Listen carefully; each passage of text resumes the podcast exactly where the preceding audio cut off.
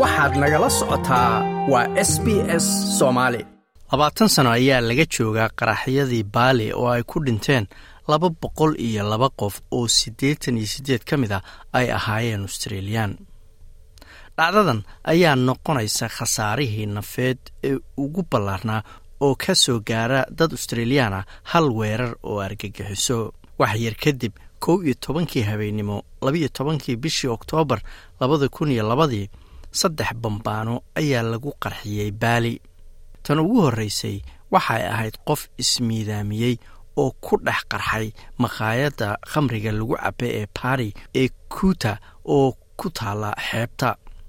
Labaatan ilbiriqsi kadibna qof kale oo ismiidaamiyey ayaa isku qarxiyey isagoo gaari wata dibadda kalaabka la yidhaahdo saari kadibna mid yar oo meel ka baxsan qaraxa laga soo maamulay ama laga hagayey ayaa lagu qarxiyey dibadda qunsuliyadda maraykanka ee dambasaar laba boqol iyo laba qof oo u kala dhashay labaatan iyo saddex dal ayaa ku dhintay qaraxyadan waxaana ku dhaawacmay laba boqol iyo sagaal kale.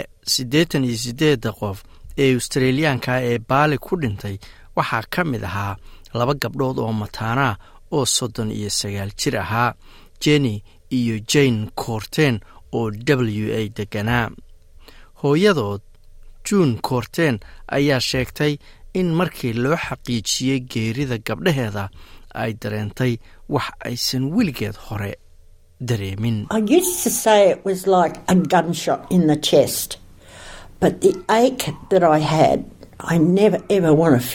Waxaan oran jiray waxay iila mid ahayd iyadoo xabad xabadka la iiga dhuftay.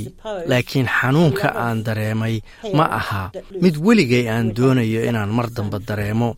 Sababtoo ah waxay ahayd naxdin weyn. Waxaan is leeyahay waalidiin badan oo carruurtoodu dhinteen ayaa dareenkaas la mida dareema.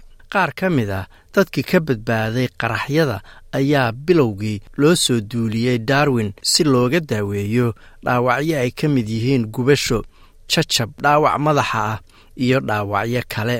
Dor gary luun oo ka tirsan royal darwin hosbital ayaa warbaahinta la hadlay maalme kadib qaraxyadaasi. Waxaan aragnay dad jirka oo dhan gubtay iyo kuwo sahlan oo jirka qaarkiis ama xubno ka mida ka gubtay. Dor david reid ayaa warbaahinta tusay raajo muujinaysa qof xabadkiisa ay ku jireen siddeed birood oo sida banoonigoo kale u samaysan.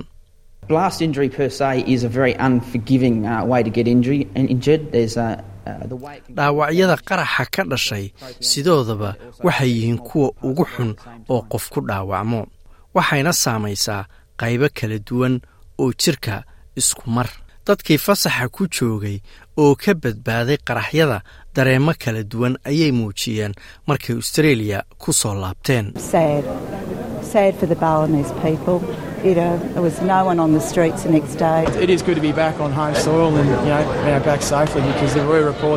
Murugo ayaan dareemayaa waxaan u murugaysanahay dadka reer baali maalintii ku xigtay qaraxyada hal qof xataa ma maraynin waddooyinka waa ku faraxsanahay inaan ciiddii hooyo dib ugu soo noqday oo si nabada aan u soo noqday.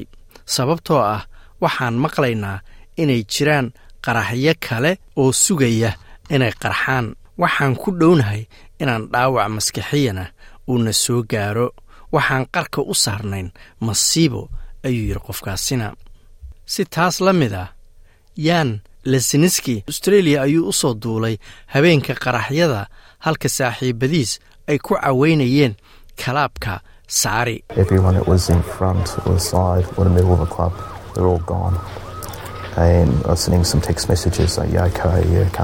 Qof kasta oo joogay ama ku sugnaa qaybta hore ee kalaabka ama qaybta dambe ama kuwa dhex jiray waa ay ku daayeen ayuu yidhi fariimo ayaan u diray oo aan ku leeyahay war sidee tihiin ma fiican tihiin?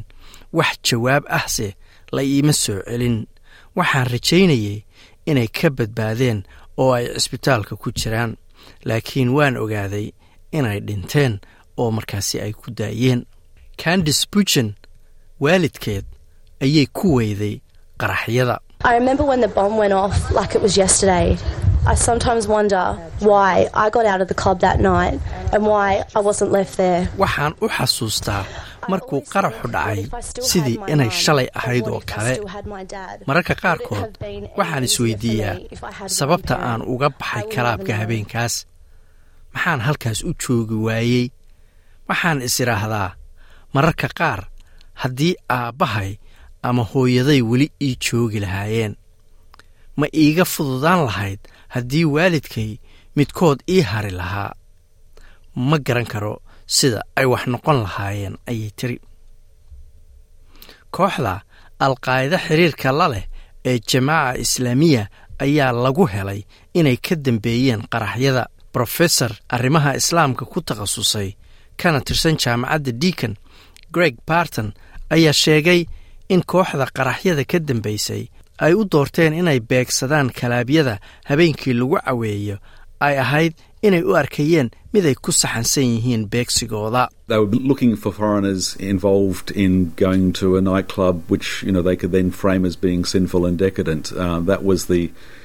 Waxay raadinayeen ajaaniib kalaabyada lagu caweeyo tagta kalaabyadaas oo ay u arkaan kuwa dembiyo iyo xumaani ka socoto waa caqliyadda qalloocan ee ka dambaysay sida ay ku xusheen cidda ay beegsanayaan. dabcan dadka ku waxyeeloobay intooda badan waxay ahaayeen induneisiyaan mana aha oo keliya baali dadka deggan ee hinduuga ah ee waxaa ku jiray muslimiin ka yimid jasiiradda java iyo qaybo kale oo waddanka ah. Marka wuxuu ahaa weerar fulaynimo ah oo aan loo meeldayin laakiin waxay isleeyihiin waxaad beegsanaysaan goob ajaaniibeed. Bishii noofembar labadii kun iyo siddeeddii saddex nin ayaa loo toogtay qaybtii ay ka qaateen qaraxyadaasi. Qaar kalena xabsiga ayaa lagu xukumay ama waxaaba toogtay oo dilay askarta induneisiya qaraxyadii labadii kun iyo labadii oo dhacay sannad uun kadib weerarkii argagixiso ee sebtembar leben ee maraykanka lagu qaaday ayaa keenay argagixisada iridda hore ee austareeliya iyadoo ay ku dhinteen siddeetan iyo siddeed qof oo australiyaana ayay sidaas ku noqotay dhacdadii ay dadka ugu badnaayeen oo australiyaana ku dhintaan hal dhacdo oo argagixiso ah. Wasiiraddii hore ee socdaalka australia amanda vanstone ayaa madxafka qaranka australia u sheegtay in qaraxyadii baali ay noqonayaan kuwo taariikhda australia gala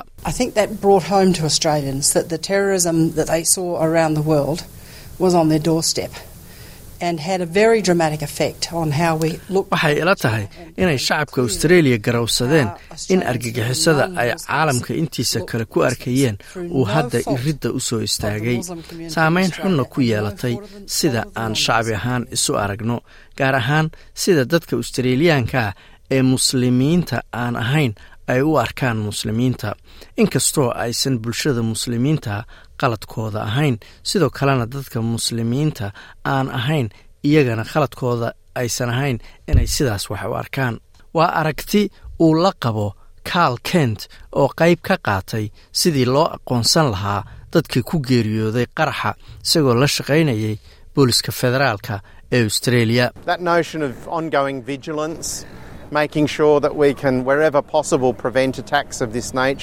waxaa dhashay fikrad ah in mar kasta la feejignaado in la hubiyo in weerar noocan oo kalea laga hortago waxay noqotay mid dadka maskaxdooda ku dhigantay weerarkii baali awgiis waxaana jiray kaysas badan oo dalka oo dhan ah oo weeraro noocaasoo kalea looga hortegay dadaalka ay booliska iyo sirdoonka dalku maalin kasta hayaan awgeed.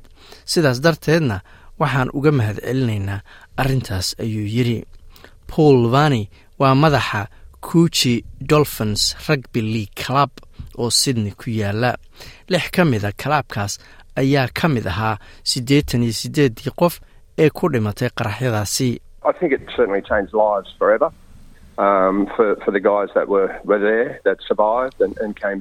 waxay ila tahay inay beddeshay nolosha xubnihii halkan joogay oo ka soo badbaaday qaraxyada. qaarkood weli waxay la tacaalayaan dhibkii ka soo gaaray. waxaana nasiib ku lahayn inaannu helay ama nala siiyey talooyin iyo taageero dhanka xanuunka maskaxda ah oo kalaabkeenna la siiyey. aadna u fiicnaa waan ka faa'iidnay wayna na caawisay ayuu yidhi miss vani ayaa sheegay in dadkii wakhtigooda u hebeeyey ay lacaga u aruuriyeen urur samafal ah. Shaqadii ay qabteenna ay aada u caawisay in lala tacaalo dhibka naga soo gaaray lixdaas ka mid ahaa kalaabka oo geeriyootay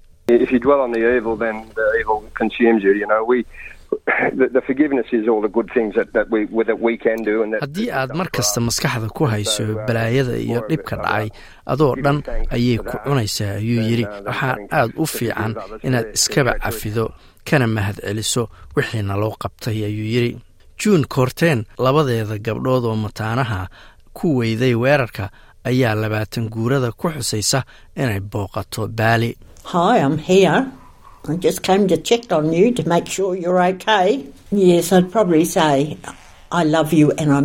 waa ikan ayaan ku leeyahay gabdhahaygii.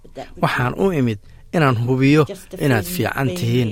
haa waxaan sidoo kale leeyahay waan idin jecelahay waana inii xiisay ayay tiri.